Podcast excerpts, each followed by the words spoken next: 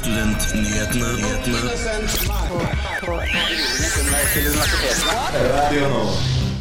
Vi er også i Førde og har tatt en prat med Sandra Borch. 23 års aldersgrense på utested er nå ikke lenger ulovlig. Tre av fire studenter ved NTNU ble tatt for fusk ved bruk av kunstig intelligens. Studenter blir ramma av en streik blant tegnspråktolker. Vi må innom det aller helligste temaet blant studenter. Det er jo studiestøtte. Studiestøtte. Har du ikke hørt det? Det aller helligste temaet blant studenter. Studentnyhetene hver fredag fra 11 til 12 på Radio Nova. God formiddag eller god morgen. Litt spørs når du valgte å starte denne regnfylte eller snøfylte fredagen. Uansett, klokka 11, og det er på tide med Studentnyhetene her på Radio Nova. Mitt navn er Hedda Dyrnes, og jeg skal lede det gjennom den neste timen. Men frykt ikke, fordi jeg ikke er alene. Jeg har med to solide partners. Hei, Sigrun. Hallo. Og hei, Sunniva. Hallo. Hvordan Oi, der fikk vi en liten avbrytelse, men det gjør ikke noe. Eh, hvordan har morgenen deres vært så langt? Min morgen har vært eh, helt OK. Litt eh, dårlig på morgenen, men nå mye bedre. Em, jeg uh, har vært tidlig oppe i dag, for jeg pleier å begynne sent. Så det var jo spennende for meg. Men uh, ja, uh, bra, bra, bra morgen, vil jeg si. Så fikk jeg se dere, og da ble jeg jo glad. Så bra. Ja, jeg har fått sove litt lenger i dag i, i forhold til når jeg er i praksis. Men uansett, vi har jobba på denne uka og har en innholdsrik sending foran oss. Så det er bra. Det er bare å skru opp lyden på ditt foretrukne radioapparat og henge med.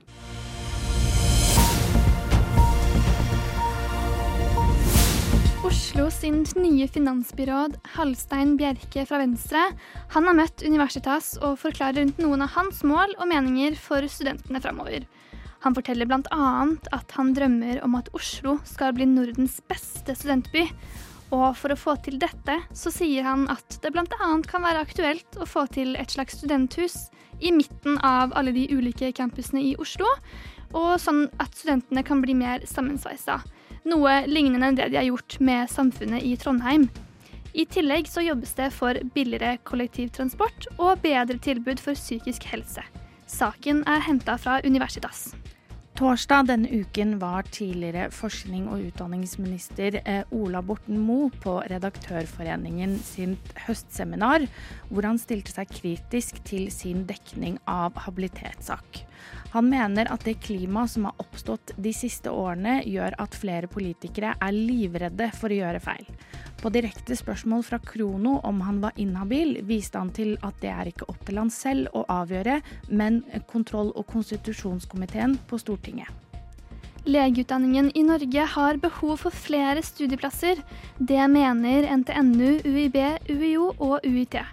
Særlig ved Universitetet i Oslo mener de at det burde økes antall studieplasser. Dette med grunnlag på at det ligger i den delen av Norge der det er aller flest mennesker. UiO har allerede starta tiltak for å øke antall studieplasser, da de har lagt til rette for at medisinstudentene kan gjennomføre ett studieår ved sykehusene i Kristiansand, Arendal og Flekkefjord. Dette tilbudet håper de å utvide. Saken er henta fra Krono. Tall fra SSB viser at de med høyere utdanning stemmer oftere med ved valg, sammenlignet med det de uten. Tre av ti med kun fullført grunnskoleutdannelse stemte ved de tre forrige valgene, dette sammenlignet med seks av ti som har noe fra universitetet. Dette gjelder både lokal- og stortingsvalg. Dette var ukens nyhetsoppdatering. Mitt navn er, det er Sigrun Tårne, og med meg har jeg hatt Sunniva Dahlstrøm.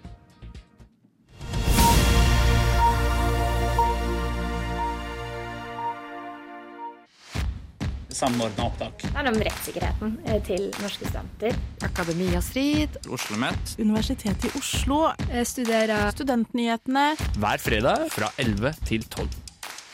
En journalist for Studentnyhetene er alltid på jobb, og etter et besøk hos eh, Førde, eh, NRK i Førde huket en av våre journalister tak i Sandra Borch.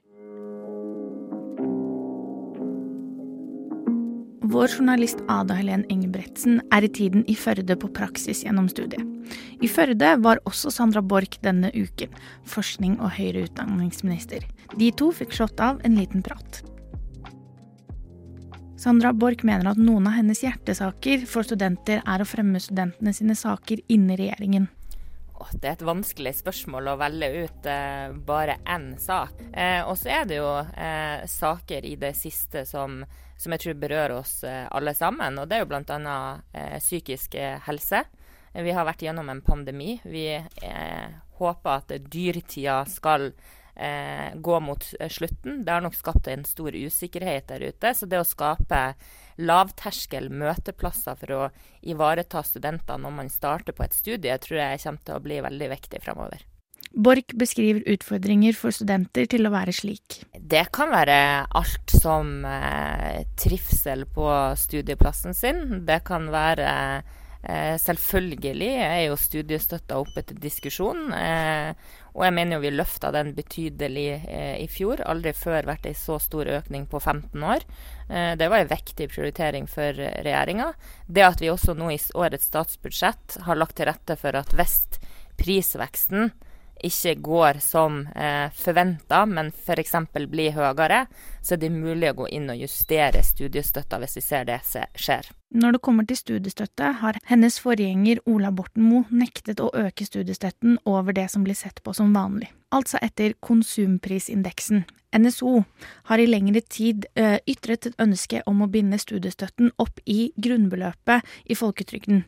Neste år er det også lagt inn i statsbudsjettet at studenter kommer til å sitte igjen med ca.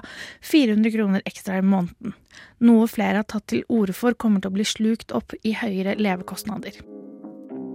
Borch sier selv på spørsmål om hvordan hun skal vinne tilliten tilbake hos studenter etter Ola Borten Moe, at hun ønsker ikke å sammenligne seg med han, og viser til at hun selv var i studentene sine sko for ikke så lenge siden. Nå er ikke jeg så opptatt av å sammenligne meg med Ola Borten Moe. Jeg mener han har gjort en god jobb på feltet. Eh, men jeg tror jo at jeg, eh, som også har erfaring fra å være student, eh, studerte juss på Universitetet i Tromsø, har levd studenttilværelsen, kan være med og styrke meg inn i, inn i det talerøret som jeg skal være for studentene. Marianne Clausen og Felles klagenemnd har vært mye i media denne høsten. Emneknaggen har annet hatt en hel episode om dette.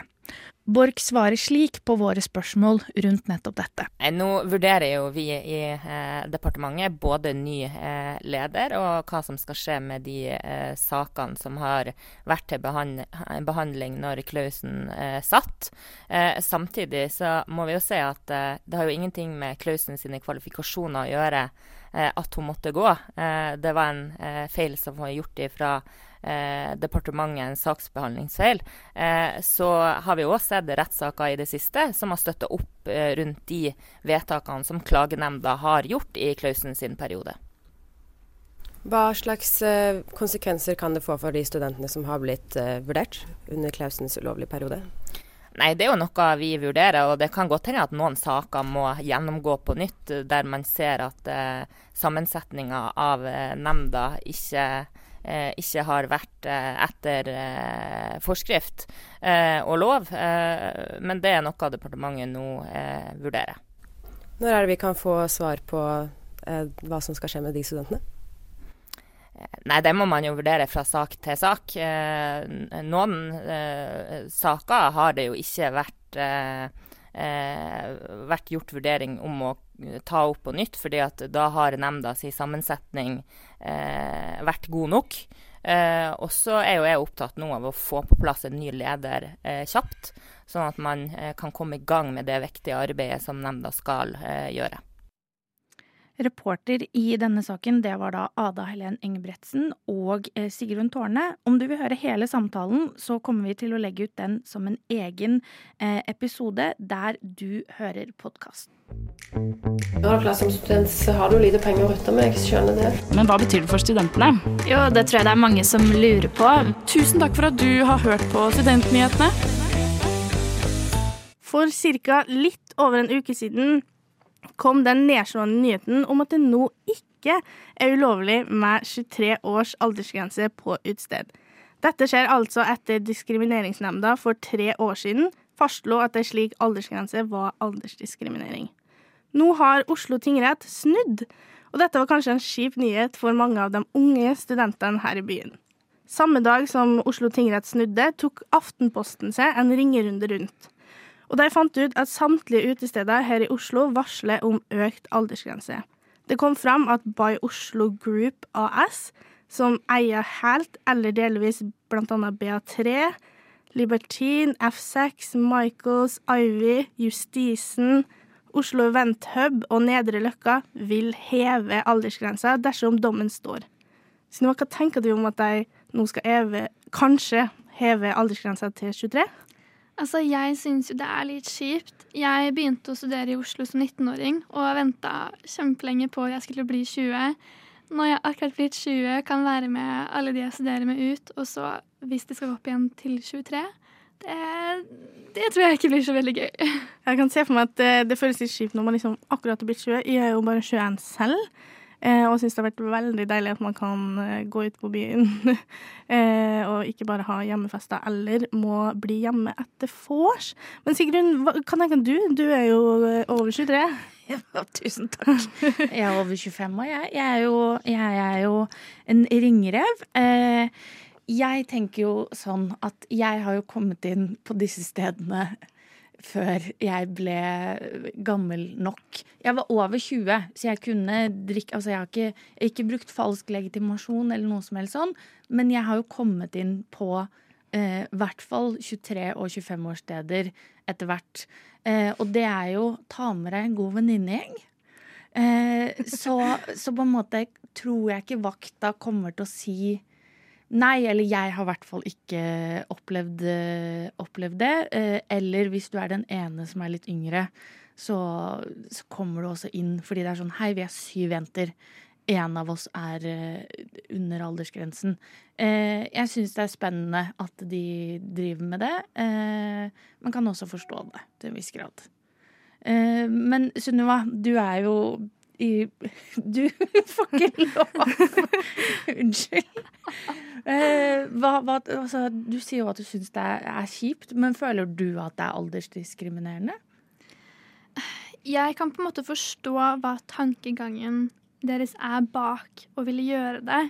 Uh, men jeg syns jo det er kjipt når den øvrige aldersgrensa for alkohol i Norge er 20. Da syns jeg det er rart at de har lov til å stenge noen ute fordi de ikke er 23. Det, er jo, det har jo ikke noe, måte, noen grunn i det, tenker jeg, da. I hvert fall. Ja, Det skjønner jeg. Det skal også nevnes at uh, noen av argumentene disse utstedene da har gått frem med, er jo at de da får et ønska klientell. Altså Med den lavere aldersgrensa så påstår mange utesteder at det blir mer fiendtlig miljø. Eh, da regner jeg med de sikter til eh, at det blir mer slåssing, kanskje. Eh, og også at omsetninga går betydelig ned. Altså, mange som er over 23, har kanskje en eh, bedre lønn, og det, vi har jo snakka om det masse i Studentnyttene, at vi får eh, lite studiestøtte. Um, så ja, de, tror, de, tenker sikkert litt på penger, uh, altså. Ja, og er ikke det det kapitalistiske samfunnet vi lever under? Jeg har tatt på meg noen partybriller nå til ære for at vi snakker om utesteder. Eh, jeg tenker Kanskje det er sånn kapitalismen er, da. Eh, de får klage til regjeringen om at vi ikke får nok studiestøtte, sånn at vi ikke kan bruke mer penger på byen. ja, det er det vi skal begynne å gå frem nå. At uh, for å få lov å gå ut på utested, så må vi faktisk få mer studiestøtte. Hvis ikke så får vi slippe inn. Men for å ta en liten gladnyhet på slutten, så kommer det også frem på denne ringerunden til Aftenposten at utestedene Louise og Oslo Streetweed ikke har planer om å øke aldersgrensa. Så det er i hvert fall en god ting. Studentpolitikk det har ikke vært en hovedprioritet. Så jeg er veldig glad for at dere er opptatt av det her. Tusen takk for at du har hørt på Studentnyhetene. Det streikes nå blant tegnespråktolker, og studenter kan bli påvirka av dette. Vår reporter Elias har sett nærmere på hva dette dreier seg om. En streik kan påvirke folk på mange forskjellige måter og kan gå utover f.eks. utdanningsløpet til studenter. Og da tenker du kanskje at det er en ny lærerstreik som du ikke har fått med deg som er i gang, men eh, det er det ikke. De som derimot streiker nå, det er frilans tegnspråktolker. Hvorfor streiker de, og hvordan kan dette gå utover studenter?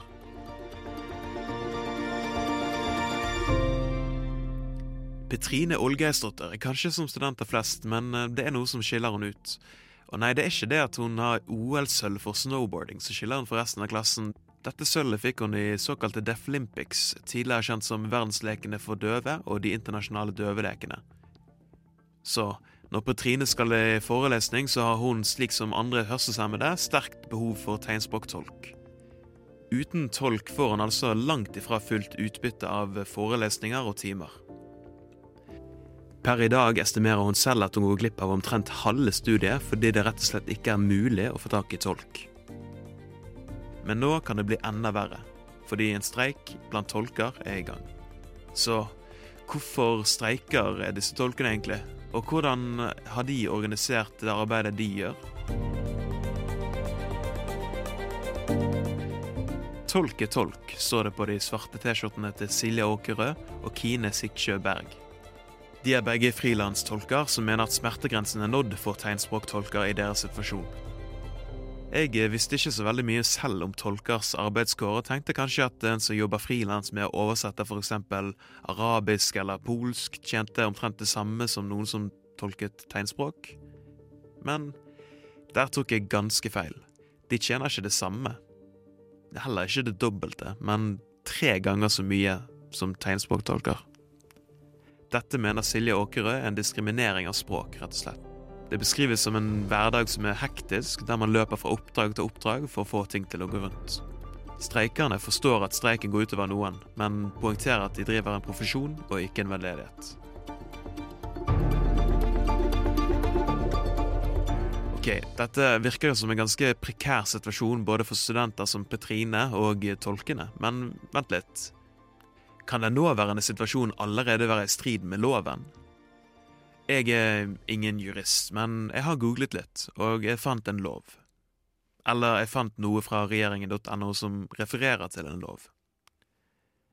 Der står det Etter likestillings- og diskrimineringsloven paragraf 21 har studenter med funksjonsnedsettelse rett til egnet individuell tilrettelegging av lærested, undervisning, læremidler og eksamen for å sikre likeverdige opplærings- og utdanningsmuligheter. Kan det nåværende tilbudet, eller et mangel på et tilbud til elever som Petrine, bryte denne paragrafen?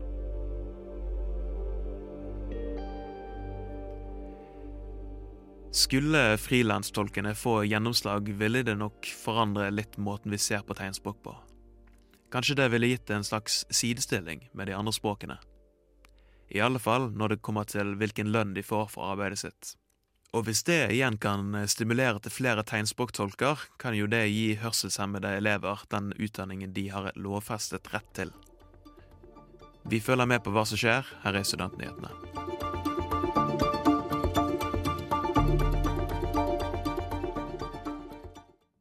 Saken var av og med Elias Fjelstad.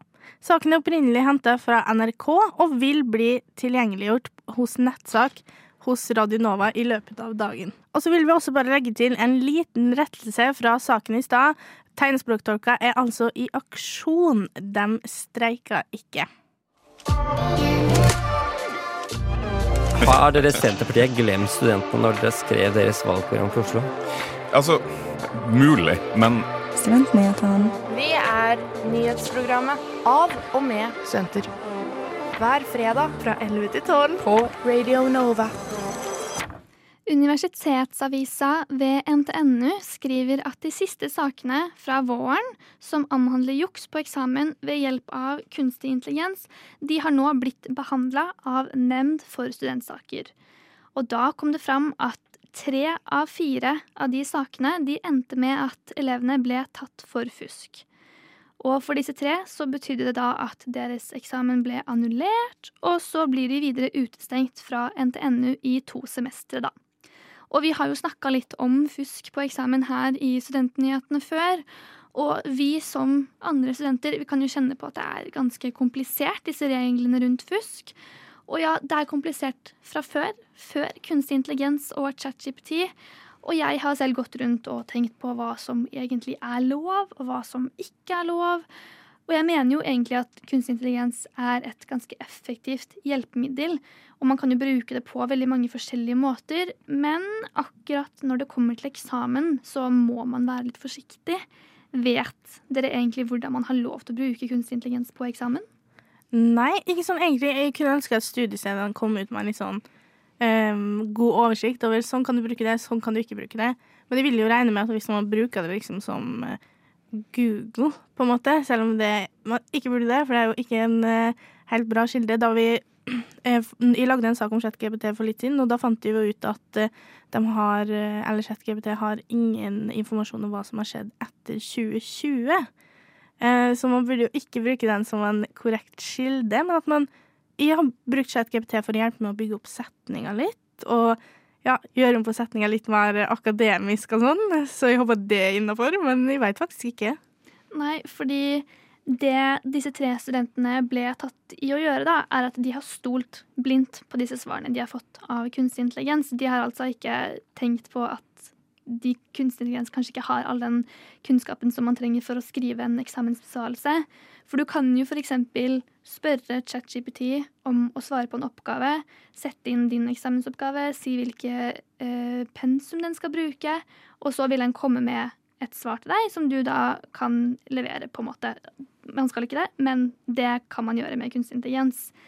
Og det som hadde skjedd med disse studentene, er at de har gjort dette. De har brukt kunstig intelligens til å svare på eksamensoppgavene deres, og så har de ikke sett igjennom, fordi der har de fått kilder som ikke finnes. De har referert til sidetall som ikke finnes i bøkene, og referert til artikler som ikke eksisterer. Og det ser jo ikke så veldig bra ut på eksamen. Og når det er i tillegg siteringsfeil, så blir det jo Det er jo skummelt fra før når man skriver besvarelsen sin selv. Man må gjøre det riktig, og når det da er helt feil siteringer, så er det ganske tydelig at de har brukt kunstig intelligens i den oppgaven her. Eh, så det må man jo være veldig forsiktig med. Eh, men Sigrun, hva tenker du egentlig om at man bruker kunstig intelligens i forbindelse med studier eller jobb? Um, Eh, nå eh, blir, syns det er skummelt og stressende. Eh, men jeg vet jo at det, UiO har jo kommet ut med sin egen eh, kunstig intelligens-ting.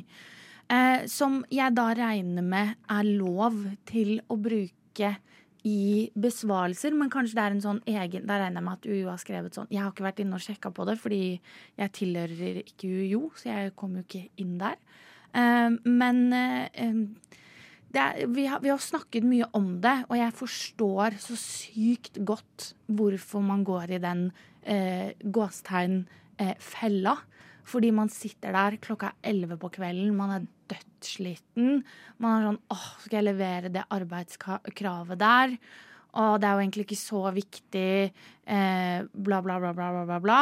Og så er man sånn, ja, jeg bare smeller det inn her og, og gjør det. Eh, men nå har jo jeg hørt eh, hele intervjuet med, eh, med, Sandra, med, Sandra, Borch, eh, som vi også legger ut på podkast. Der mener hun at det er eh, hvordan man jukser og hva som er juks og opplæring i juks og sånn, eh, skal bli ført over på eh, universitetet og høyskolene.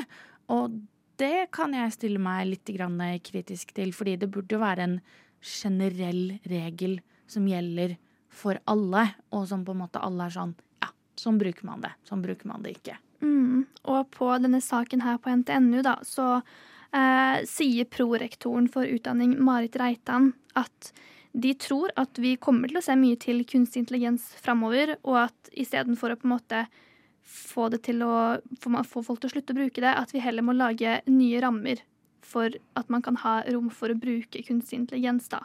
Eh, F.eks. at eh, elevene må oppføre kunstig intelligens som en kilde og forklare hvordan de har brukt det. Eh, men det blir veldig spennende å se hvordan universiteter velger å forholde seg til det framover.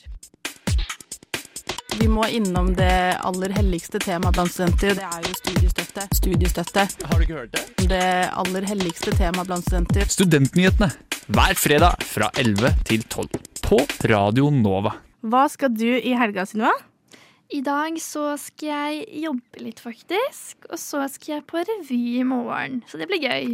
Wow. Og du da, Sigrun? Eh, jeg skal jo løpe rett etter denne sendingen, eh, for jeg skal litt av tur hjem til Moss. Um, men så blir Jeg tror jeg skal slappe av, jeg, rett og slett. Vaske, rydde.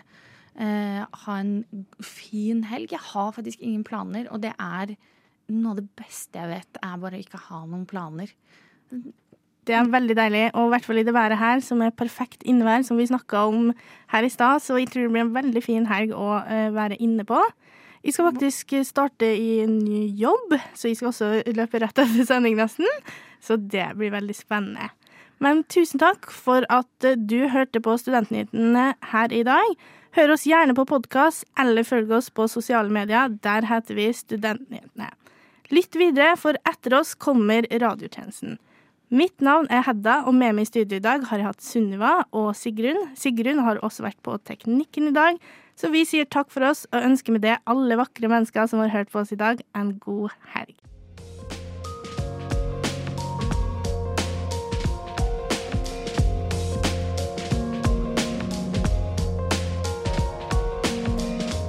Du har hørt på en podkast fra Radio Nova. Finn flere podkaster på din foretrukne podkastavspiller eller radionova.no.